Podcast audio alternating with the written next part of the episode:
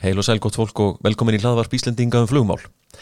Pál Stefánsson var að hefja sinn atunuflugmannsferil hjá flugfélagi Íslands þegar hann lendi í alvarlegu flugslýsi sem flugmaður um borði Fokker Friendship flugvel flugfélags Íslands sem fórst í aðflugi að vogaflugvelli í Færium árið 1970.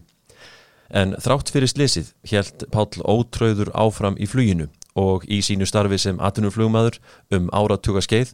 og segist aldrei nokkuð tíma á sínum ferli hafa fundið fyrir hræðslu í flugi.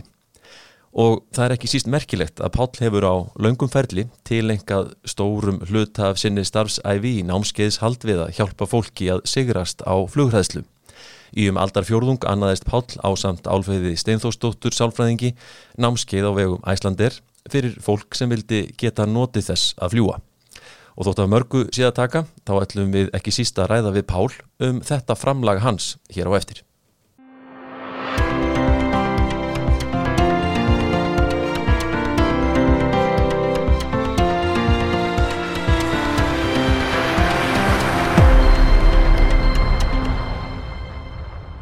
Velkomin í flugvarpið, Palli. Já, þakka þið fyrir. Hvernig gerist það svona fyrst að fyrir maður þessi gegnum það að, að þú ferð inn í það að halda námskeið fyrir fólk með flughræðslu? Já, það skeiði eiginlega fljótlega eftir að, að ég var sjálfur orðin flugstjóri í innanlandsfluginu og eh, hafði uppgötað þó nokkuð marga af okkar ágættu farþegum að þeir voru svo hrættir og eh, ég eh, reyndi svona að eh, bjóða þeim fram í og, og spjalla við okkur aðeins á, á leiðunum. Og hérna ég held að það hafi haft aldrei góð áhrif og ég fekk uppringingu frá eh, sérstaklega minnistætt frá einum ágættum hljómlistamanni sem við flugum með til að hýrsta að hann ringdi og þakkaði mig fyrir hvað hann hefði jafnað sig mikið á flugræslunni við eh, bara þetta samtal. En svo uh, hafði ég samband við kollega minn Gunnar Guðjónsson flugstura sem að, að var með flugræslu námskeið í gangi á vegum vegum fluglega og sálfræðingur sem vann með honum sem að heitir Eiríkur Arnarsson. Og ég spurði Gunnar hvort að ég mætti kannski koma og sitja eitt námskeið hjá þeim félögum. Af því að mér langaði til þess að kynna mér betur svona hvað væri helst eh, til eh, varnar í, í þessum málum. Og, og Gunni tók mér mjög vel og, og sagði að það væri bara sjálfsagt eh, að ég fengi að sitja eitt námskeið en svo sagðan Palli bara með einu skilir og það er það að þú takir við kjenslunni þegar þessu námskiði líkur og hann var að taka við eh, við störfum eh, eins af eftirflugstjórum eh, fluglega á 757 mm -hmm. þegar þetta var. Þannig að hann vilja, vilja hætti í þessu á þessu tíma? Já, vildi breyta til. En uh, þetta er fyrir ansið löngu síðan sem að þú ferði inn í þetta Já, þetta var uh, vorið 1997 sem að uh, ég fór með honum Eh, eftir námskeiðsald til Amsterdam og það var nú svolítið skrítið sko að þegar við komum til Amsterdam og átt að fara að hefja flugið heim til Íslands aftur þá komið ljós einhver smávæli bilun á, á vilni sem við vorum að fljúa með og þegar það var búið að finna út úr því að þá var áhöfnin uh, hérna komin yfir sinn djútitíma og uh, það endaði með því að uh, allir gistu í já. og þetta var nú sem sagt byrjurinn á, á því sem ég kynntist námskísaldi en svo gekk allt vel á heimleginni og allir á næður Þegar þú fær til þín hópa fólki sem kemur á þessum grundvelli hverslas fólk er þetta? Já, það er eh, alls konar fólk og eh, fyrst held ég kannski að þetta væri einhver skortur á bara almennri fræðslu og eitthvað slíkt að fólk hefði ekkit hugað að viðkomandi málum en ég læriði nú fljótt að það var einmitt alveg þver öfut þetta fólk hafi e, velt þessum málum mikið fyrir sér og kynnt sér e, málinn þó nokkuð þó að hefði ekki e, farið í þá grunn þætti sem að bæði mér og Gunna e, þótti vera undirstöðu atrið í því að hjálpa fólki út úr ræðsluferlinu og hérna ég hef nú stundum sagt að, að, að ganni mínu að e, ég var svo heppin að yfirgnæfandi meira hluti á námskeiðin voru yfirleitt konur. Og e, mér hefur alltaf þótt gaman að horfa til fagur að fjalla og hvenna og hérna auðvitað skipti þetta ekki mjög miklu máli en þetta er eitt af því sem að, maður verður að reyna að halda smá húmór yfir og, og minnast á og ég held að enginn móðgast af því. Einmitt. En uh, svona ef þú ferða þess í hvaða, hvert svona þitt hlutverk var svona bara á degi eitt að, að, að tala við fólk, hvernig hvernig svona eh, fer þetta af stað? Já, já, við vorum náttúrulega þarna að taka við og, og, og Gunnar hafði afhengt okkur þau gögg sem hann hafði notað við sitt námskeiðshald og, og ég var mjög þakkláttur fyrir það og svo tók við e, starfi sálfræðings e, Álfeður Steinþórsdóttir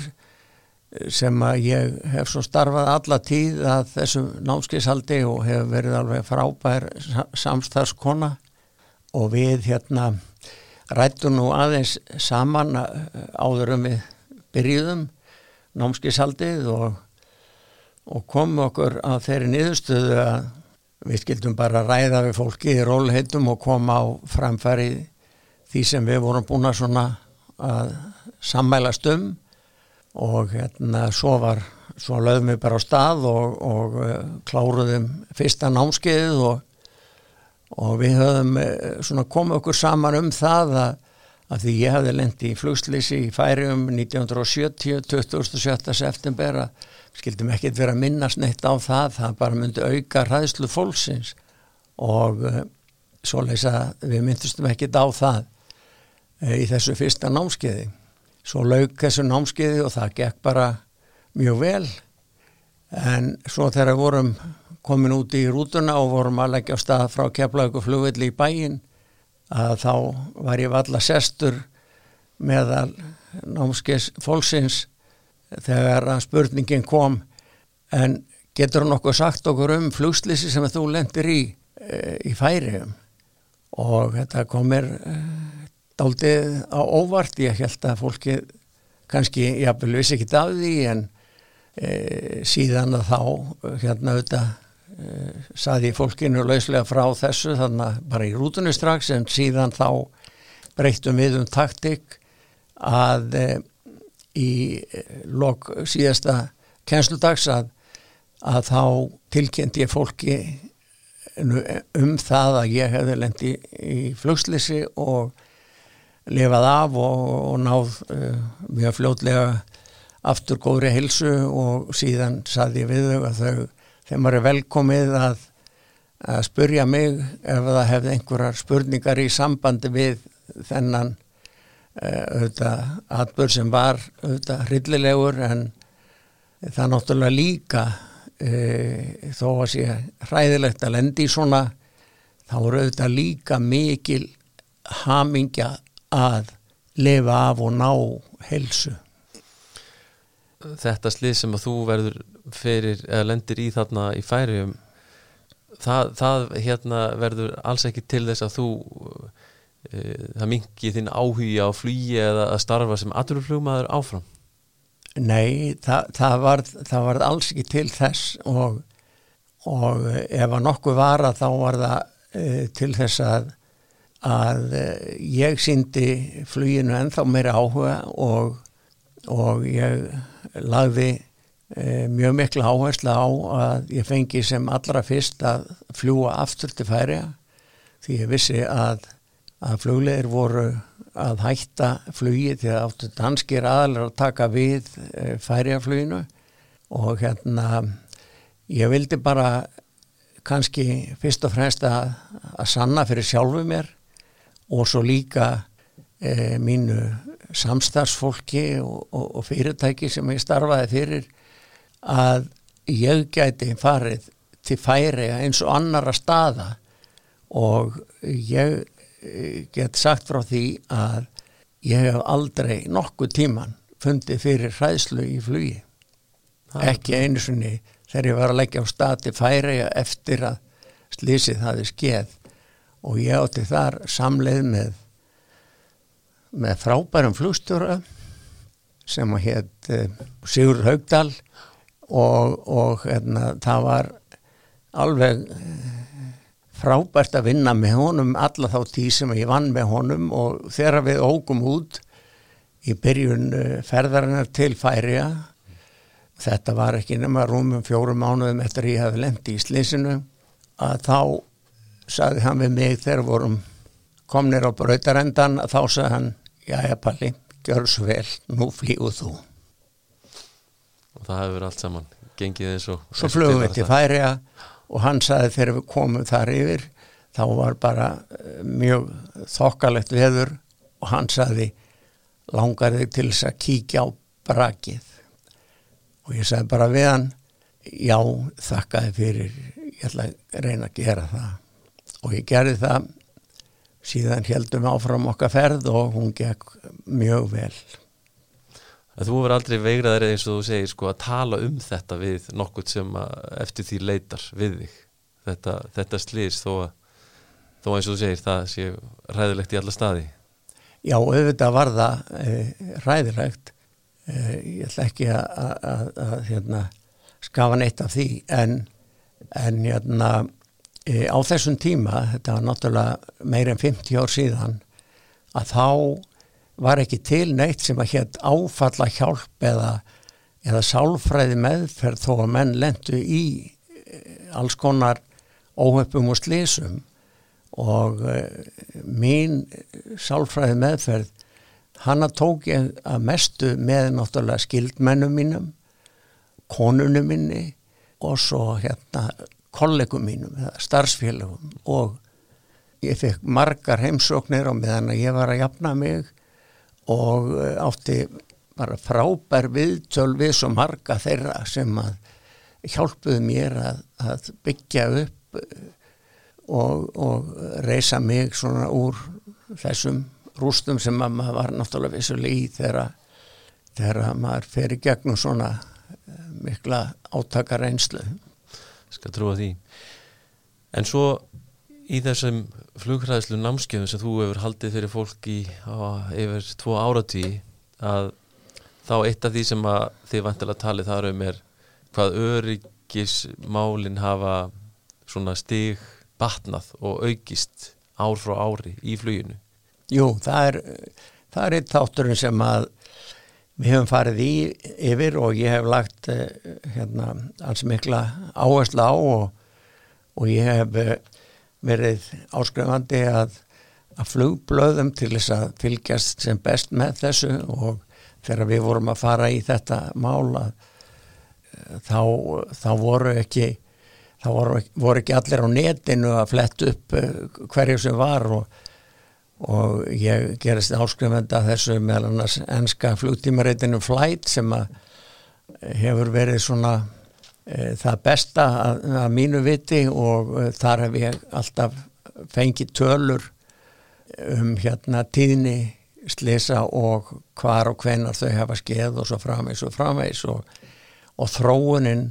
hún hefur verið einlega alveg, alveg ótrúleg frá því að, að e, það var nú oft, oftast í byrjun og ég hef vel ennþá talað um hvað verða mörg flugslis eh, á hver miljón flug sem farin eru. Og þessi tala hefur verið blessunlega að eh, lækka í það áratígi sem að ég hef fylst með þessu. Og e, það hafa verið hérna ábyrjandi tölur núna á síðastlinum áratug að það hafa verið að, að kannski að farast í flugslisum og þá erum við að tala um í heit, allir veröldinni. Við erum ekki að tala um flugslis fyrir einstök löndi eða slíkt en það hafa verið að farast sko í kringum fjögur til fimm upp í 600 manns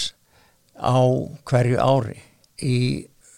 þessari mikilvægu atvinnugrein þar sem hefur verið að flytja uh, stóran hluta mannkinsins uh, tölur frá, ég mann nú bara tölur frá 2013 til dæmis að þá,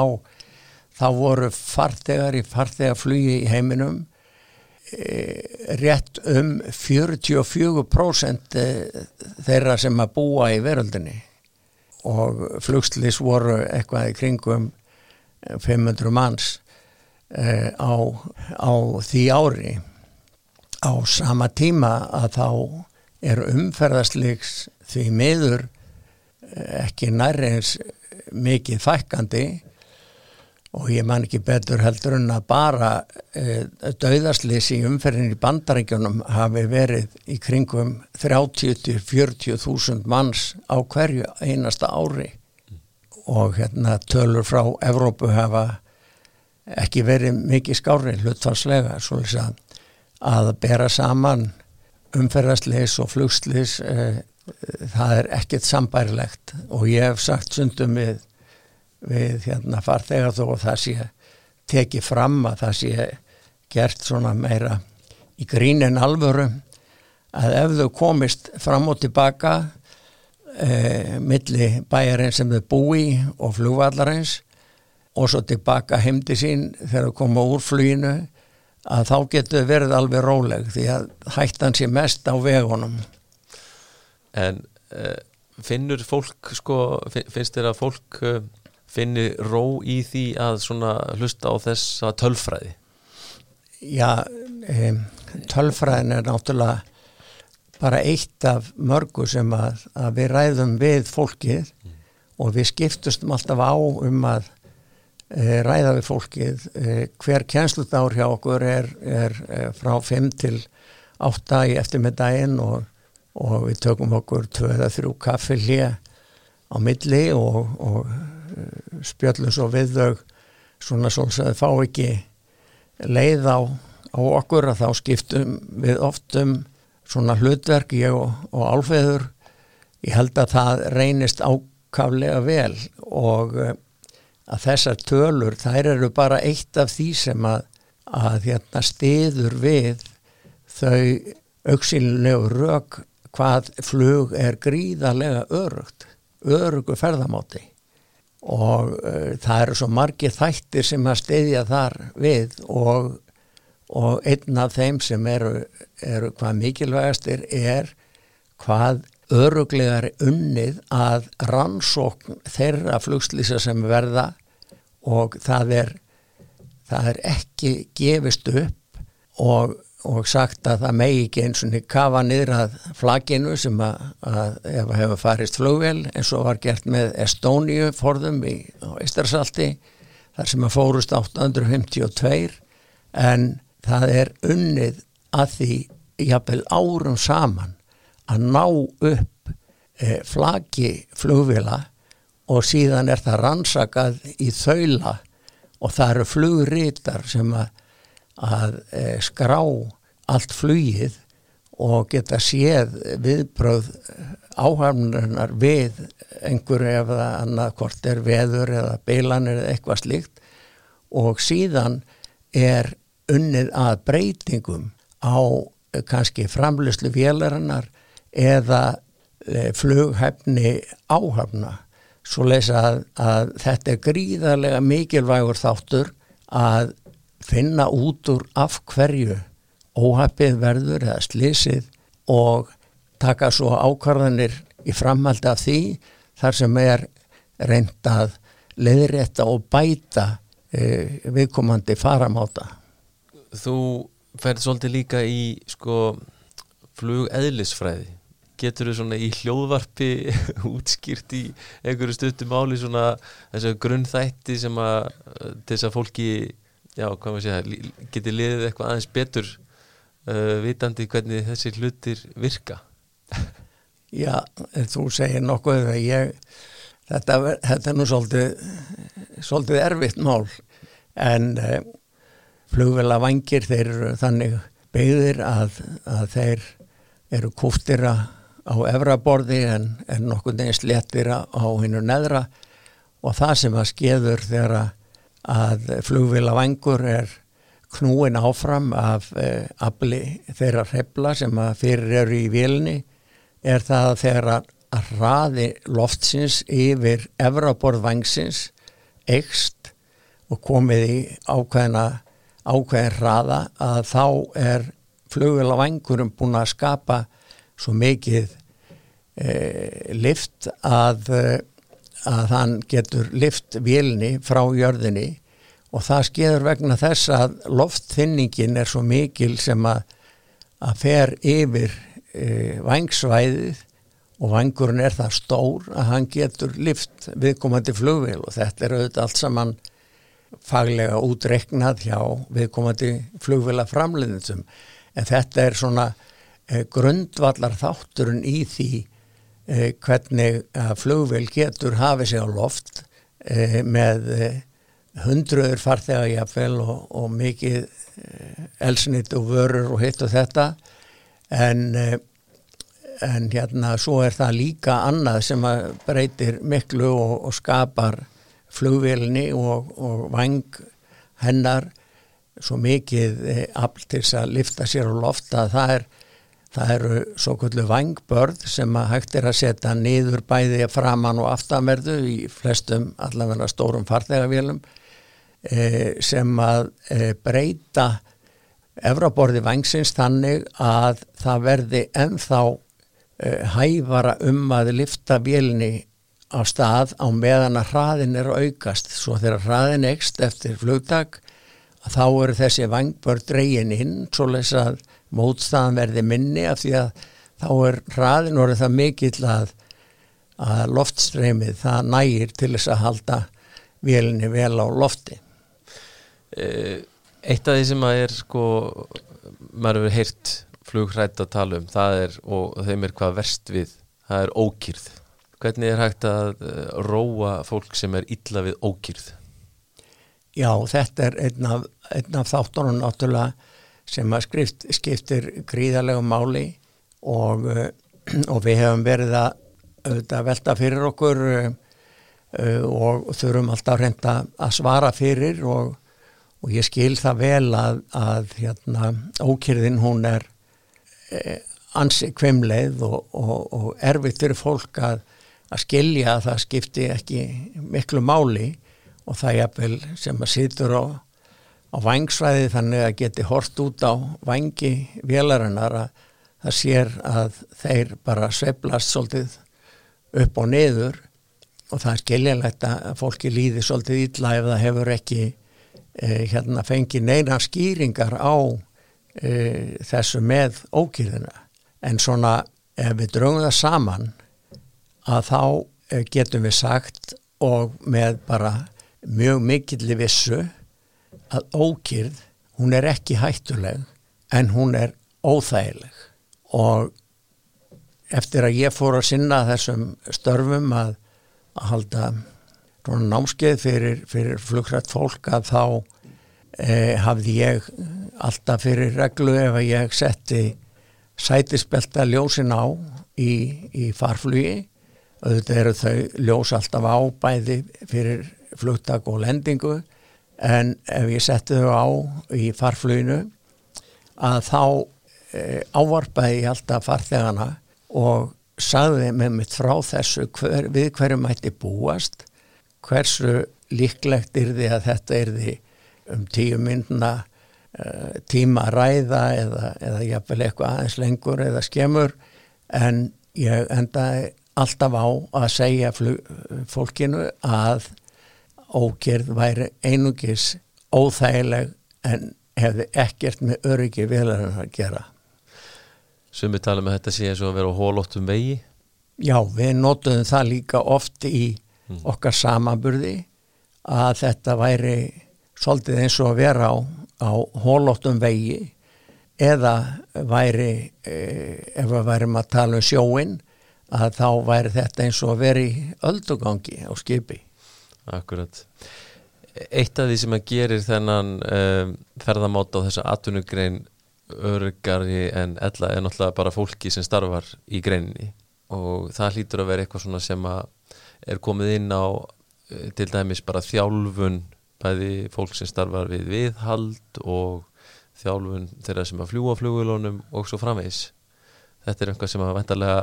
er svona fró fyrir fólk að, að heyra um því það er kannski ekki allir sem vita hverjar kröfunar eru. Já, já, þetta er einn af, eh, af gríðarlega mikilvægum þáttum að mitt að kynna flugi sem að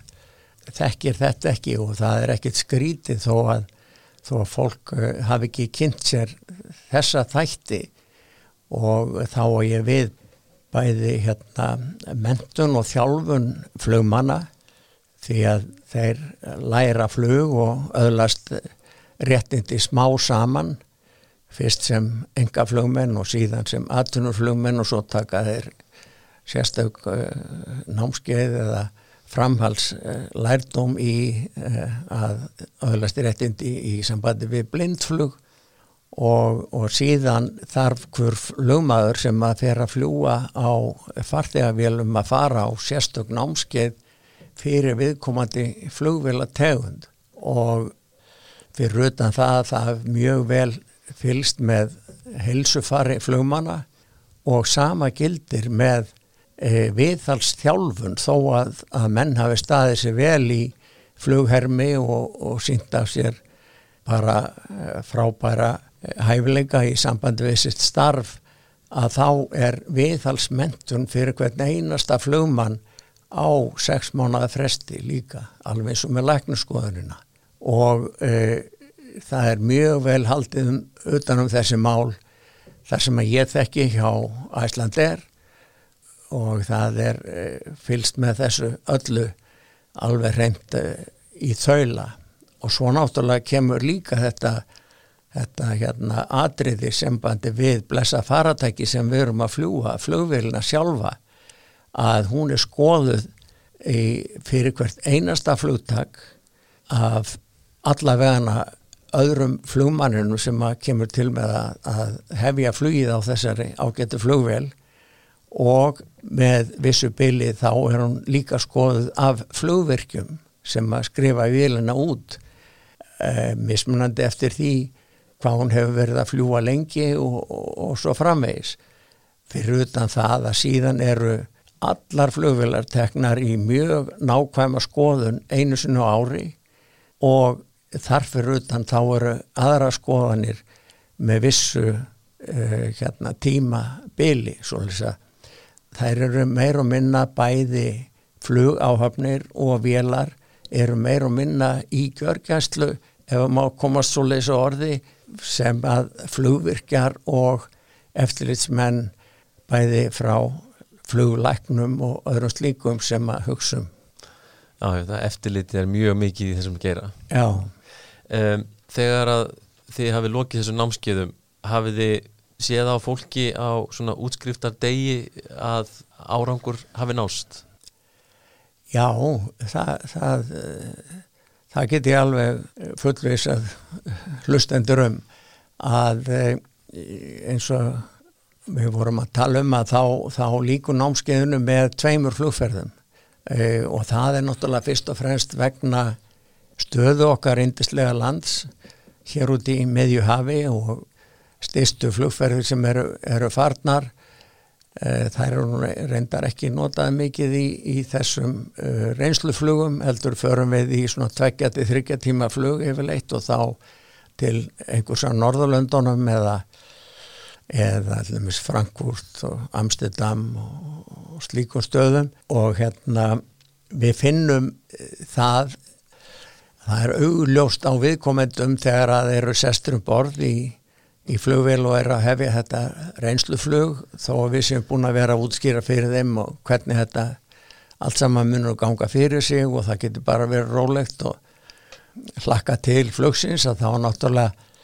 eru nú sömur sem að, að viðkomendum sem að jafnvel fella tár og, og, og eiga svolítið mikið bátt áður en að lagt er á stað í fyrir flugferðina. En um, oftast að þá næst nú að, að róa fólk og þó við höfum reyndar að upplifa það að, að hérna það hefur komið fyrir að fólk hefur reynlega gefist upp og, og yfirgefið hópin en uh, ég ætla nú ekki að minnast mikið á það, það er líka algjörlega einstækt en uh, það er mikill munur á svip, svip fólks þegar það hefur fyrraflugið og frá því að það kemur og er lend eftir setnaflugið í keflaug aftur um, eftir middaginn eftir að hafa farið í tvö flug og fengið e, skýringar á ymsum bæði hljóðum og reyfingum vélarinnar hefum fengið að fara fram í stjórnklefa og ræða við e, flugmenn og sjá hvað þeir eru rólegir í sínu starfi og, og þar hafa þeir fengið hinn eru þessar góðar upplýsingar og svo fengið frábæra þjónustu frá flugfreyjum og, og flugþjónum sem eru alltaf með okkur um borð og uh, hjálpa til að, að veita upplýsingar og uh, færa okkur næringu og, og hressingu á leiðinni. Og hvenar var nú síðasta námskið haldið? Það vært ekki verið mikið um þetta námskeiðshald síðustu tvö árin í, í kófinu? Nei, það er nú, það er nú út af fyrir sig hérna sérstaklega kapitúli en við álfeður vorum búin að vera að vinna því e, í februar, já, nei, byrjun mars, minnum mig, já, e, að halda tvö námskeið og yfirleitt var það rútínan í allavegna gegnum síðustu 15 árin að við heldum alltaf fjögur námskeið á hverju ári, tvö að vorin og tvö að haustin og um, vorið 2020 að þá vorum við bara nýbúin að ljúka báður námskeiðunum og byggðum eftir að komast í flug sem átt að fara minni mig 20. mars 2020 en þá bara skall á eiginlega hálgerð eh, hálgerð lokun á flugi til og frá landinu og Evrópuríkin eh, tók ekki við farþegum frá bandaríkjónum og bandaríkin bannuðu flug til, til frá Evrópulöndum heim til þeirra og uh, þetta þýtti það einfallega og það líka urði allir að vera með grímu og mátt ekki fara fram í stjórnklefa náttúrulega neynir ókunnir og uh, því miður að þá á deginum í dag sem er 16. februar 2022 að það verður ekki ennþá verið farið með þessa tvo hópa út af þessum COVID-takmörkunum. Um, það eru margir vantanlega sem koma að þessu í tengslum við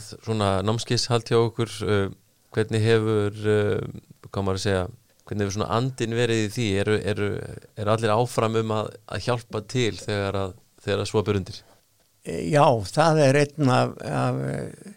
skemmtilegum þáttum við þetta starf sem hefur verið alveg gegnum tíðina síðan að við álfeður tókum við þessu að e, við höfum fundið það á, á öllu því starfsfólki sem við höfum e, hitt og haft samband við bæði í sambandi beint við námskishaldið og líka sem við höfum hitt e, í millitíðinu kannski og, og, rætt við alveg frá forstjóra og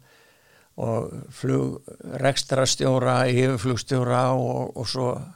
bara öllum þeim uh, hérna, áhafnum meðlumum sem hefum starfað með. Það hefur, við hefum aldrei lendi í neynum jákvæðinni starfsólks uh, hjá fyrirtækinu og uh, flugstjórar svona sumi hverjir, þeir eru nú ekkit fyrir það endur að láta tröfla sig í vinnunni sinni fram í stjórnklega en að ég hef ringt í þá alltaf yfirleitt kvöldið áður en að við hefum að mæta til flugs með hópin og þá veitum við á hvaða leið við verðum og, og, og þess vegna hef ég bara fundið út hverjir eru flugstjórar og, og ég hef ringt í þá og sagt þeim hvaða nafni væri og ég ringi í þá vegna þess að, að við værum að fara með eh, flugrötta farþega til annarkort Amsterdam eða einhvers annar staðar og hvort við mættum eh, heimsækja þá í, í flugstjóðunklefan og ég hef aldrei frá einum einasta fengið annað heldur en já, blessað palli verið hjartanlega velkomin alls saman. Mm, okay. alltaf en hérna mér langaði að segja frá kannski einum tveimur atveikum sem að hafa skeið í í sambandi við já. Og það fyrra, það skeiði e, tiltölu eftir að, eftir að við vorum e, nýbúin að taka við þessu námskísaldi að þá var dótti mín sem að, sem að alltaf verið kolluð lukka e, þá var hún að, að fljúa sem flugfræða og hafði verið að koma frá færiðum og uh, hún var nú ekkert mikið inn í þessu atriðum varandi námskisaldi sjálfu sér en hún kom bara og saði heyrðu pappi, ég var að koma með hvenna kór sem var að koma frá færiðum og það var einn komana sem að sagði mér að hún veri nýbúin að vera námskiði fyrir flugræta. Og hún hefði fengið svo mikla bót og hún sagðist þegar þetta væri þriðja ferðin sem hún var að fara eftir námskisaldið og uh, þetta var ekki nema bara rétt tæpu ári eftir að viðkomandi kona var á námskiðinu hjá okkur svo að hún hafði eiginlega fengið bara vangi og, og ferðast mikið Já. og mjög ánægilegt að fá svona kveð frá fólki sko. Einmitt. og verandi búandi hér á eiginu hérna okkar já. þá er þetta nú mikill plús að þurfu ekki að hafa mikið fyrir því að fara upp í flugvél og, og fara hvert sem er. Já, nú og svo var hinn hin sagan, hún er að e, tengda, dótt, nei, tengda móður sonar míns sem heitir Viktor Jens og hérna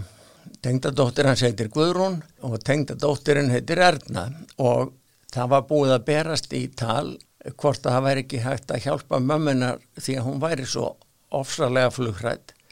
að þau höfðu e, til þess að, að hún geti komist í Kaupmannahafnar eða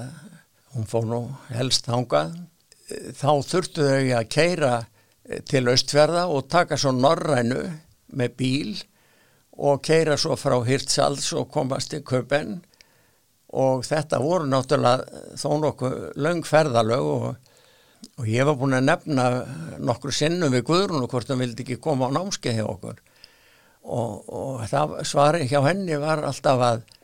að sko hún geti ekki hugsa sér að fara á námskeið til þess að minga flugræslu ef að námskeið ætti að enda með flugferðum ekki einni heldur tveimur. Mm. svo að hún vildi ekki sjá að fara á, á námskeið. Svo vildi það svo til eitt eh, haustið minnum mig að, að það döttur svo margir úr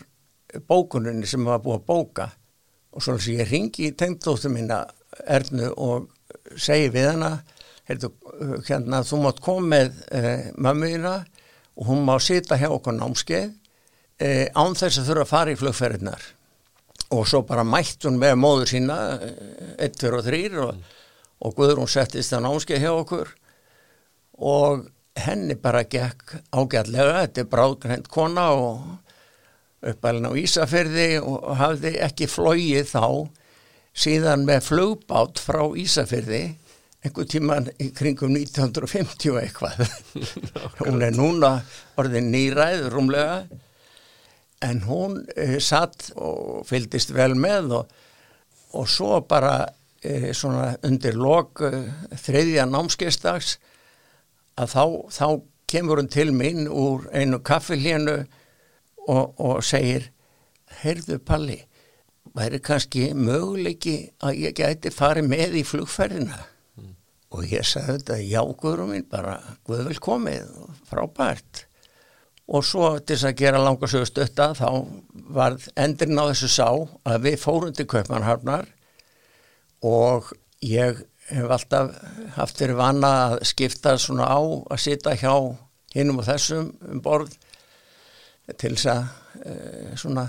hafa sem flesta til þess að spjalla við og, og reyna að benda þeim á ýmsa hluti og það kom í okkar hlutverk okkar guðrúnar að sita hliði hlið í flugtaki frá Kaupmannhafn í blíðu veðri. Og ég satt alveg út í gangin en hún satt út í gluggan og var að fylgjast með þegar vélinn hósið til lofs e, frá Kastrup. Svo bara þegar við erum komið svona búin að klifra einhver tíu myndur eða eitthvað svona að þá snýr Guðrún sér allt í enn að mér og segir bara e, nokkuð hátt og snjált heyrðu palli minn, veistu það að þetta er bara bölvu vittlis að ég er ekkit flugrætt og hún er búin að fara margar flugferði síðan glæsilegt. Þetta eru tvö svona atvik sem ég vildi nefna af því að þau vorum bæði með mjög ánægilegum endi og eh, sem lang flest erum einnig. Já, yfirleitt það að fólk fái allavega einhverja bót. Já, það fær yfirleitt mjög mikla bót og ég, eh, það var ekki nema svona fjögur, fjögur, fimm ár síðan að ég fór með konu minni og, og vinnum okkar, vinnahjónum út að borða á matstaði í Garðabæ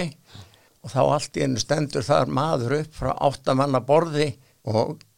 segir, heyrðu, ég þekki þig, Páll, og ég ætla að byrja fólki mitt að skála fyrir þér og það var svo gert og hann segir, við gátum fjölskyldan öll farið að ferðast eftir að ég fór námskeið. Takk fyrir. Akkurat, það er glæsilegt. Mér langar svolítið að hérna, spjalla kannski aðeins við þig um, um þinn hérna, feril, Palli. Já, svona, ef þú svona rifjar aðeins upp sko um, þegar að þú ert að byrja þinn flugferil, hvernig svona kom það til að þú fórst að læra að fljúa já. Já, pappi mig var tannlæknir og hann hétt Stefán Pálsson. Og um, móði mín hétt Guðni Níelsdóttir, þau eru, eru bæði látin.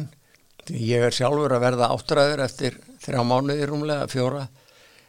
að ég eh, var ekkert allt og viss um það hvað ég ætti nú að leggja fyrir mig sem atvinnu. En hérna á endanum þá, þá hérna ég hafði verið í, í Þískalandi eitt sumar og dvalið þar hjá indisleiri fjölskyldu og var orðin svona þokkalega mælandi á þíska tungu og uh, ég uh, ætlaði að feti fóts på pappa sóttum hérna engöngu í, í háskólan hér en þeir tóku ekki viðina með einhverjum ég man ekki hvað voru, það var allavega ég var ekki með nóg og góð engun til þess að vera einn af þessum útvöldu svo lesa ég sótti um og fekk uh, háskólavist í Maximilian Universitet í München í Þískalandi og svo hóf ég þar nám að hausti. Nám þá í tannlækningum? Í tannlækningum já. leiði mér íbúð hjá gammalli konu og uh, ég byrjaði þarna að reyna að læra eitthvað í sambandi við tannlækningarnar og allaði auðvitað að taka það með trombi og svona svo fór ég heim í, í, í semesterfrí því að ég var líka orðin ansi þreyttur og, og á, á, á þessari háskólavist og hún hafði svona aldrei beint fallið mér. Og ég kom heim um hérna jól eh, 64 og þá var vinnum minn Áskir Torfarsson sem var, lengi flugstjóri hjá Cargolux og við vorum miklu vinnir hann e, var byrjar að læra að fljúa og saði við mig og svona blessa Palli, veist ekki að það er sér tannlækninga maður það það er mikið skemmtilega að fljúa að fljúa segi ég, já, já, já, heldur það. Og hann bauð mér í flugtúr og ég var bara ansið hrifinn. Og sem sagt þetta er bara í byrjun árs já, rétt um áramótin bara 64-5 og ég bara tók ákvörðun um að hætta í tannlækningáminu ég fór út og sagði upp húsalegunni afskráði mig í Maximilian Universitet og kom heim. Ég man ekki alveg datóðan á því en svo fór ég bara mitt fyrsta fluga því með minnir í, í hérna mars með Helga Jónssoni heitnum sem var flugkennari og kendi á þá góðu vél sem að bara enginni stafina TFAIB og alltaf kölluði Ingi Bjarni. Og e, ég lærði sem sagt frá þessum degi og þanga til að ég tók atvinnu og svo blindflugspróf rétt rúmlega ári setna og þá hafði ég sótt um og við ásker saman og, og fleiri náttúrulega um stöðu hjá flugfélag Íslands og ég var ráðinn og byrjaði þar 1. mæ 1966. Já, þetta er gerst svolítið hratt Þetta gerðist mjög hratt eh, en hérna mér gekk bara miklu betur í að læra um flug og veðufræði og hitt og þetta sem að tengist því heldur en, heldur en tannlagnar á mig og uh, ég fann mig strax í þessu og hafi bara mjög mikið áhuga og svo fór ég mín, mín fyrstu flug á, á DC3 og, og það tók þar námskeið hjá Jóni, kennar okkar og, og svo bara var byrjaði ferillin á því að, að eftir æfingaflug að þá fór ég svo fljótlega bara í, í flug og ég fór mína fyrstu flugferð sem ráðinn flugmaður með haugiheitnum Hlýðberg sem var þá ungur flugstjóri og, og indælismadur og fórum til Vestmanneja og ég hefði náttúrulega ekki flóið þristin og neitt nefn bara, bara tómum sko eða veist, í æfingaflugum og svo leiðis og e, e, þegar við komum frá Vestmannegjum þá lendum við á brautinni sem var þá hétt 3-2 inn yfir Öskjuhlíð og síðan til vestus og e, þegar að vélum var búin að hoppa hjá mér því það er alveg hægt að láta þristin hoppa svolítið þegar hún var búin að hoppa held ég tvísvar að þá saði haugur með mikill rósendum leið og hann ítti aðeins fram á við stýrið og saði Palli minn, ef ekki fara að hætta þessu vinnur?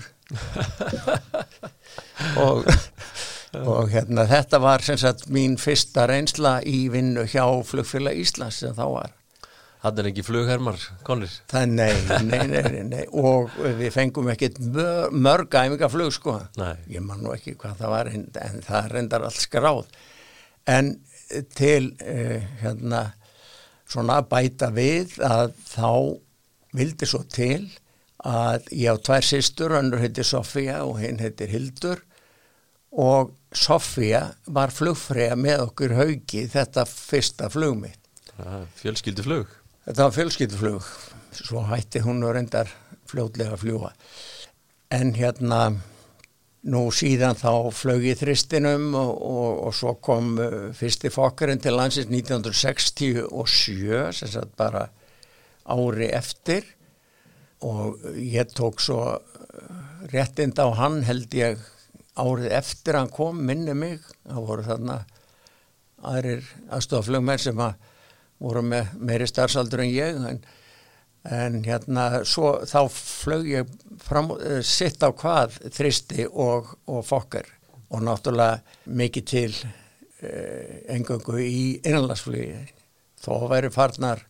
fljóðlega á fokkarnum sko einu og enn ferdi færi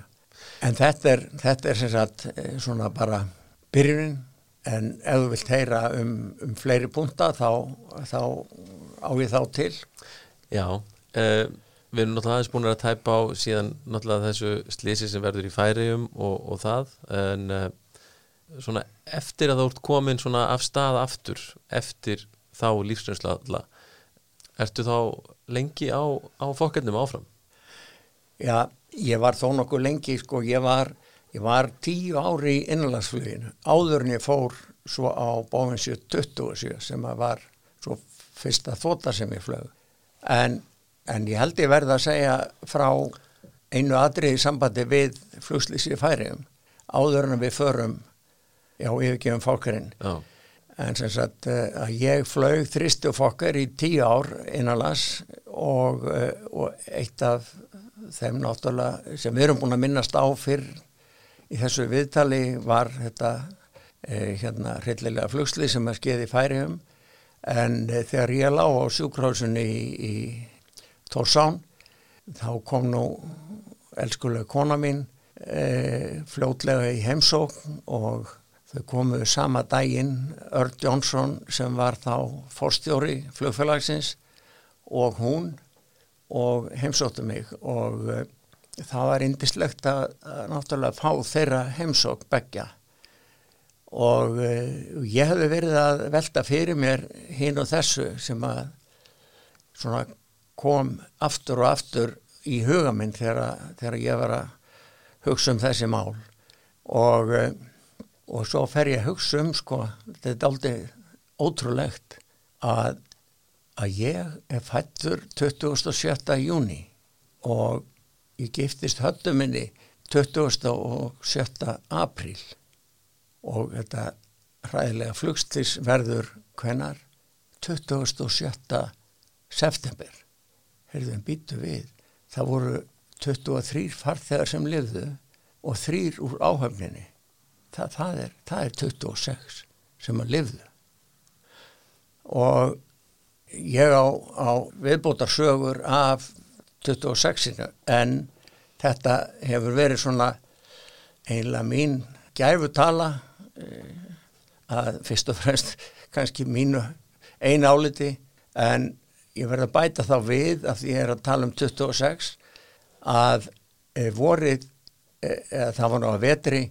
sem að ég byrjaði að fljúa fokker 50 og þá sem flugstjóri. Og Otto heitinn Týner sem var mikill vinnuminn og hafði notið eða við höfum notið hérna kennslu í Amsterdam að læra á fokker 50 þar og vorum svo konur heim og, og það var norskur eftirlýsflugmaður uh, sem að fór með okkur fyrsta túrin til Akureyrar. Það var að modni februar og hafði snjóaðins mikið og nóttina og var svona hálfur ísing fyrir utan skíli þar sem velin var svo dregin út um morgunin og við lögðum svo stað til Akureyrar og það gekk ljómandi vel norski þjálfunarflugsturinn satt á millokkar og ég var í flugsturarsætinu 8 og hægra megin. Svo þegar við ætlum að fara að setja henni hjólinn áflugin til Akureyrar að þá kemur bara ekkit grænt ljós á fyrir nefjóli og við náttúrulega tölum við turnin og segjum hún það og þeir kíkja út og sjá það bara að nefjólið er bara upp í, í hérna hjólósi það, það var ekkit ekkert á leiðinni niður og bara var þar fast. Svolítið að það, þá er tekin ákvörðunum það að, að e, snúa við til keflaugur. Við höfum alveg meiri nóg elsniti til þess og, og veðrið var bara þokkalegt. Það var endar söðvestanátt, 35 gosting, 40 og eitthvað nútar í keflaug og við e, fljúum bara til keflaugur og þegar við erum komnir svona yfir, yfir skagafjörðinu inn, innanverðan og, og erum að fljúa út yfir Arnáfaseðina að þá verður mér hugsað til þess heyrðu, það er 27. februar og við náttúrulega töluðum ennsku við þennan þjálfurnarflugstjóra og svolítið að ég segi bara án þess að útskjera það neitt að þá segi ég landing in Keflavík will be perfectly safe og hann náttúrulega snýr, mér, snýr sér að mér eh, þjálfunarflugsturinn og segja why can't you say that mm. og ég sagði hann because it's the 26th of February og þá náttúrulega þá hann sagði mér það setna hann lit nokkið mikið á því bera þarna hann held að ég væri alveg að farast úr stressi og þess vegna segði ég svona bull af því að það væri 27. februar oh. en ég ætla ekki að hafa söguna oflanga en lendingin á bröð 2.0 í Keflavík hún er einhver besta lending sem ég gerði á öllum flugferlinum. Það eiginlega fannst ekki fyrir korki þegar ég hallaði vélinni náttúrulega á móti í krossvindinum að fyrst þá lendi, lendi hérna hæra hjólið, aðalhjólið og svo það vinstra og svo var að lenda bara á nefnum mm. og ég man ennþá eftir eftir hérna skrunningu sem að heyrðist þegar að, að nefið lendi í brautinni. En það var líka mjög mjöglending og farþegarnir þeir voru komnir út á eitthvað um það byrj 90 sekundum eftir að við stöðum vélina og slögtum á hreiflanum og Greta Önduðdóttir var flugfræð með okkur og, og hún hefur alltaf staðið sér vel í sínu djópi og gerði það líka þarna að koma farþegunum út. og hérna e, svo held ég og kona minn veistlum kvöldið heima hjá okkur í Dalsbyð í Garðabæ. Og e, norski tjekkarinn hann, hann kom inn þangað og byrjaði hrista hausin og sagði oh now I understand the 26th because I got some explanation. Akkurat. Já. um, En auðvitað er þetta bara e, allt saman til viljanir, ég veit það vel, ég, það er ekki þannig. En hérna, hvað, hvað er atvinnur flugmannsferillin langur? Já, hann var frá uh, vorinu uh, hérna uh, 66 og þáka til miðsumars uh, uh, 2007 að ég fór minn síðasta uh, ég fættur 27. júni eins og ég sagði áðan en, en uh, við fórum síðustu ferðina saman ég og, og úrval náttúrulega áhafnar meðlima með mér uh, 23. júni og komum inn til Kaupmannhafnar á FIX sem er Boeing 57300 ef maður rétt og mér minnir að farþegartalin hafi verið 228 eða eitthvað svoleiðis. Það var allavega fullu jél og uh, uh, það gekk svo allt saman bara með, með bravör, uh, bæði lending, ég flög nú svolítið látt yfir blessaða höfuborgina og lendi síðan í Keflæk og síðan var samkoma í gamla Yðnó þar sem að allir sem höfðu stafara með, með mér voru látnir vita og beinir velkomnir. Ef þú horfir yfir ferilinn svona, er einhver tími frekar en annar svona minnistæðari? Eða skemmtilegri? Eða? Já, kannski mér fannst reyndar alltaf eh, frábært að, að starfa við, eh, við flugið og, og hérna ég eiginlega eh, ég get ekki sagt annað en ég bara kynntist hverjum öðlingum og fætur öðrum og, og hérna eitt af eh, hérna stóru mómentunum var að eh, eins og ég sagði áðan þá var ég búin að fljúa í innlandsflugin á Þrist og Fokkar í tíu ár síðan var ég níu ár sem aðstoflumar á 27 e, því að þá voru flugstjórnir svo ungir og hættu svo fáir að, að maður var sagt að vinna e, tvo ára tíu sem að ég fylgdi áður en ég var sjálfur gerður að flugstjóra en e, mér stóð til bóða að verða flugstjóri e, þegar ég var búin að vera hann nýja ára á 27 en þá kaus ég að fara á DC-8 og það var e, vorið 1985 og ég fór á áttuna og starfaði þar í þrjú ár og þá náttúrulega eins og margir munna sem að uh, voru uh, hérna og fylgdust með samenningum flugfélagana sem að byrjaði nú upp á 1973 að það voru átök á milli flugmannahópana uh, meðal hans út af seniortímálum og, og hinn og þessu. Og, og sumir hverjir þeir töluðu eh, hérna svona misvelum um kollega sína í sikvarum hópnum en mér langar bara að nefna það að þarna þegar ég fór á áttuna ég hafði alltaf haft daldinn áhuga á bandaríkjónu líka að koma þangað og fljúa þangað. Og svo grunnaði mig að ég er nú kannski einhver tíma flugstjóri á uh, vél sem að flýja til bandaríkjana og þá vildi ég alveg hafa farið nokkra túra sem aðstoflumar þangað. Og það var eitt af þessum þessari indislu reynslu sem ég gekk í kegnum e, í sambandi við flugið og svona hver og fætur annari var að kynast loftlega köllunum sem að við vorum búin að jáfnvel að tala um að veri hérna bara lappakútar og hitt og þetta. Og þar kynntist ég hverjum öðlilum og fætur öðrum. Hann var alveg indislegt að vinna með þeim og sem sagt að öðlast svona nýjan starfsgrundvöld sem að var líka það að uppgöta að þeir voru eins góðir eins og flugmennir og flugstjórnir hjá flugfélagin og síðan þá fór ég og var flugstjóri innanlands 1988 og hérna það var kannski, ég var þar e, frá e, snemma vors e, 1988 e, þangað til að ég fór á, á Boeing 737 94, svolítið ég var þar í, í sex ár og ég held að það hafi að verið að mörguleiti skemmtilegasti e, kapli flugferðismins. Það var svo mikið að gera, það var svo lifandi flugið og það var, það var eiginlega aldrei, aldrei einn döð stund. Eins og, eins og flesti vita þá náttúrulega er, er ekkert mjög langt á milli ákvörnarstaða hér innanlands og maður kynntist svo frábæru fólki á mörgum stöðum hafa tekið á móti manni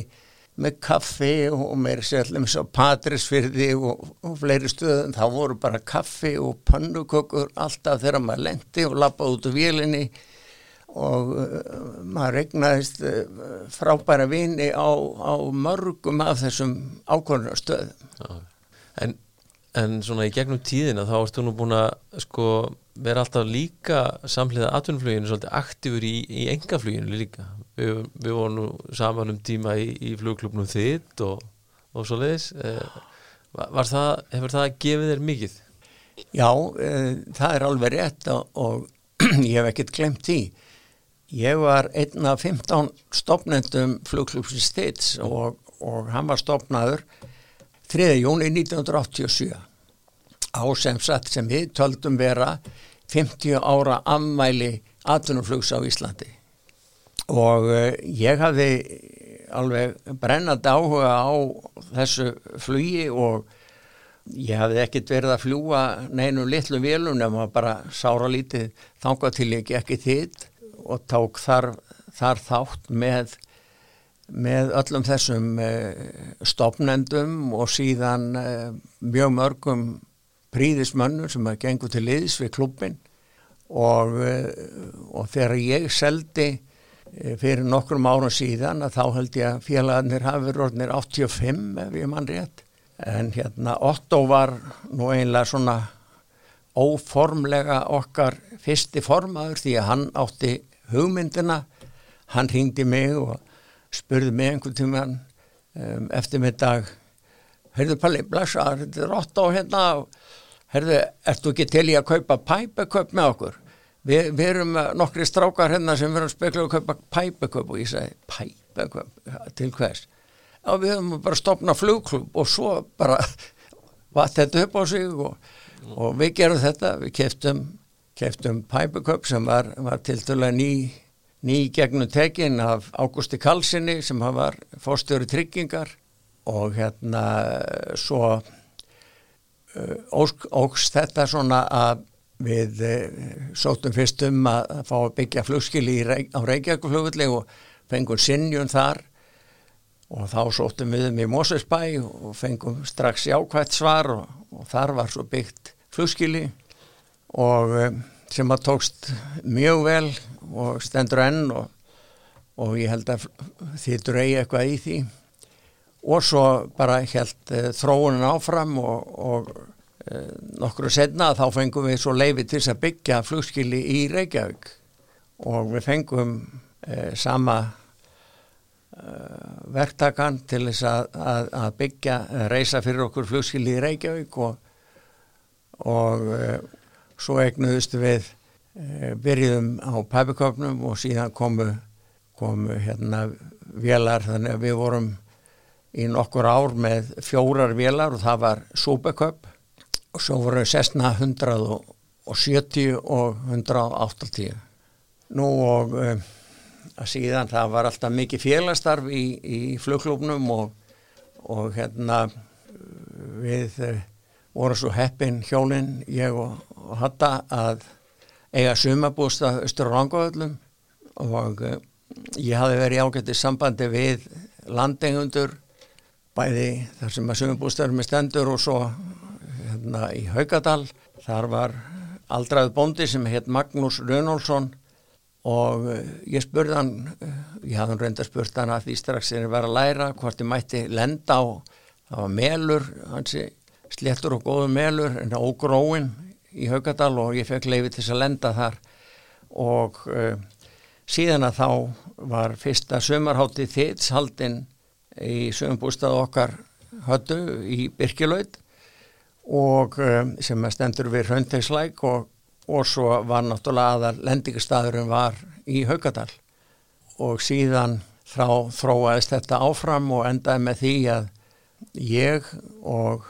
Móni vinnur okkar sem heitir Hallgrimur Jónsson, eins og flestir vita sem hann þekkja og Þorgir Haraldsson, þeir hafa báður verið í uflusturar hjá Æslander, flugleðum og við þreminningar keiftum Haugadalsmel og, og hérna svona aflendur þar sem eru hraun og, og, og fleiri sandar. Og við keiftum þar landsvæði sem er um 100 hektarar og byrjuðum svo að rækta það upp eh,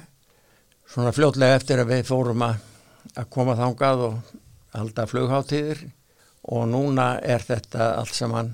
uppgróið e, melun þar sem við höfum verið að lenda. Og við ríðumst í það e, þremenningar að e,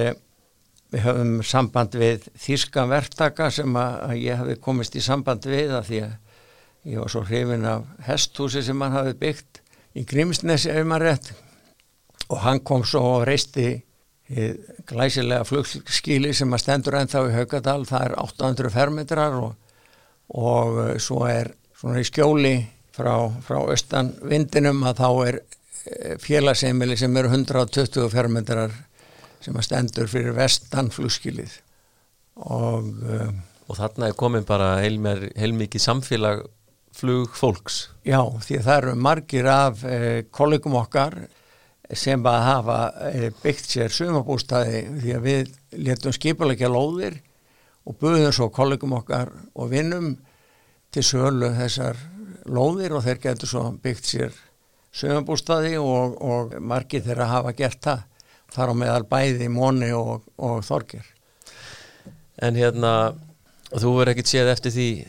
þegar á árin leið að hafa hætt í talagningunum? Nei, ég sá aldrei eftir því nema kannski í byrjun gagvart pappa ég verða viðkynum það. En, en pappi tók því eh, mjög vel. Hann, hann var ekki neitt sár yfir því þó ég hefði ákveðið að hætta í talagningunum og ég held að hann hafi skilið það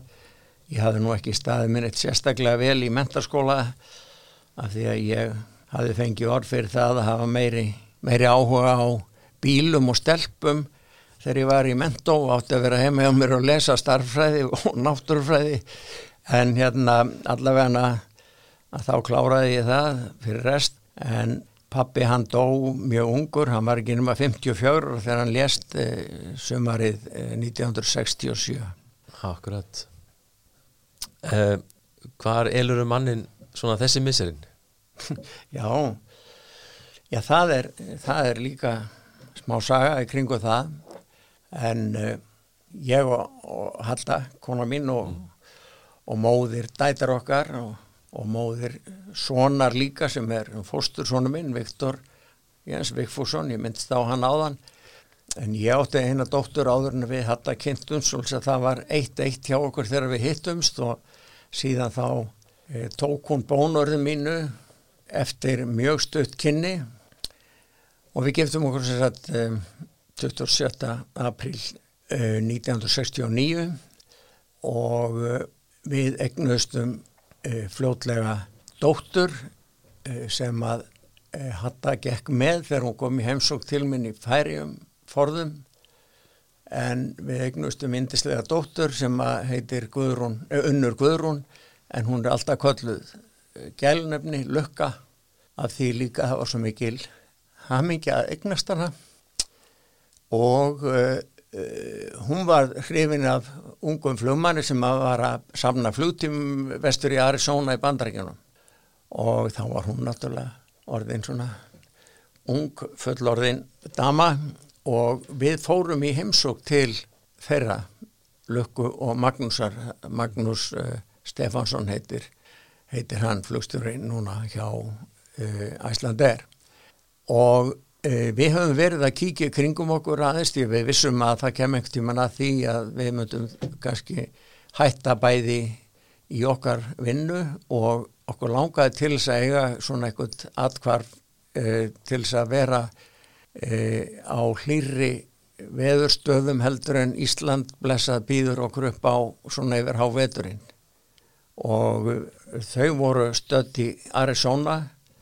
og eh, Maggi að safna flugtímið þar. Og bara þegar við komum þákað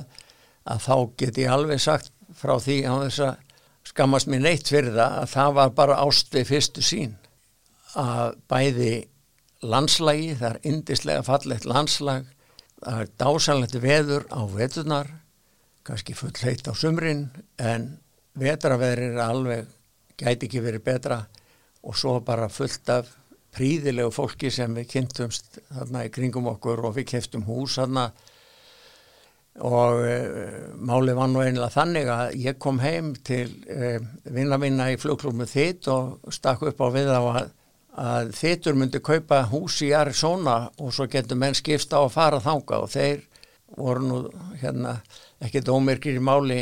kollega minnir í þitt að, segja ég hliti hafa, hafa orðið fyrir höfuhöggi e, og kom með svona vittlusa tillögu. Og þar á meðal var nú hérna nafnu minn og, og, og kollega Pál Haldarsson sem var giftur Gretu Önudar og, og er enn og þeim fannst þetta að vera fjärstaðakent sko en svo fór bara þannig að, að Palli Halldórs hann fór fyrir vinahóp sínum að sækja semjum kaup á, á lítil þyrlu sem var framleitt í Arizona og þegar hann kom tilbaka úr þeim einhverjulegðangri þá ringd hann í okkur höttu og saði, heyrðu, við erum tilbúin að koma með okkur og aðtöða með húsnaði í Arizona. Jæja, saði ég og svo fórum við og vorum í viku í Arizona og það var gömul kona sem kom til okkar á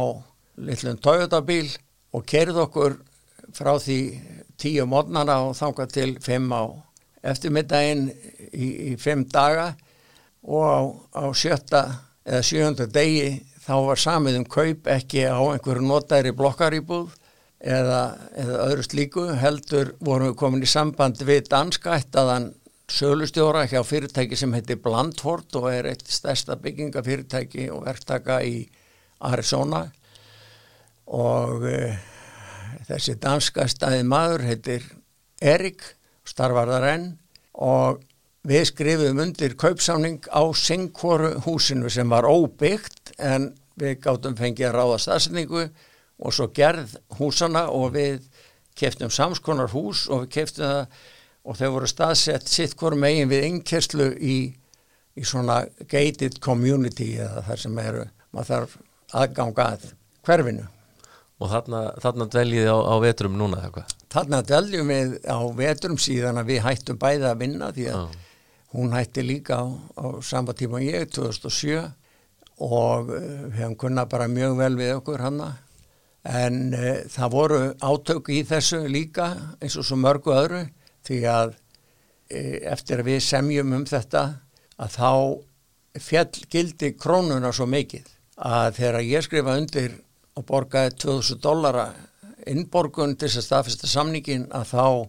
hafði hérna krónutala sem maður þurfti að borga fyrir hvert dólar breyst úr 74 mm. í 110 og svo lesa ég ringdi í Erik og sað honum hver ég væri og, og, og hvernig þetta líti út og af hverju ég væri að ringja og uh, ég sað honum að ég vildi uh, hérna hætta við kaupin á húsinu og því miður þá gæti ég ekki bara staðið í því og hann saði mér já það, það húsi húsi verður byggt eins og þú ákvast en e, svo bara sér þú til og, og hérna og þá þar, þar með taldi þessu lokið. Svo var ég náttúrulega alltaf með þetta í huganum og eitt skiptið, einn eftirmyndag þá var ég að fljúa með, með frábæru fólki til e, Minneapolis og þá eins og margir flugmenn munna þegar maður flýgur stundum á vissum leiðum vestu til bandarækjana þá upplifum maður jafnvel tvenn sólarlag fyrst fljótlega eftir eftir að maður leggur á stað frá Íslandi og svo hitt þegar maður fann nálgast lendingu í þetta skipti varðað Minneapolis og þá bara var ég að hugsa um þetta náttúrulega megnaða leiðinni. Og ég fór beint upp á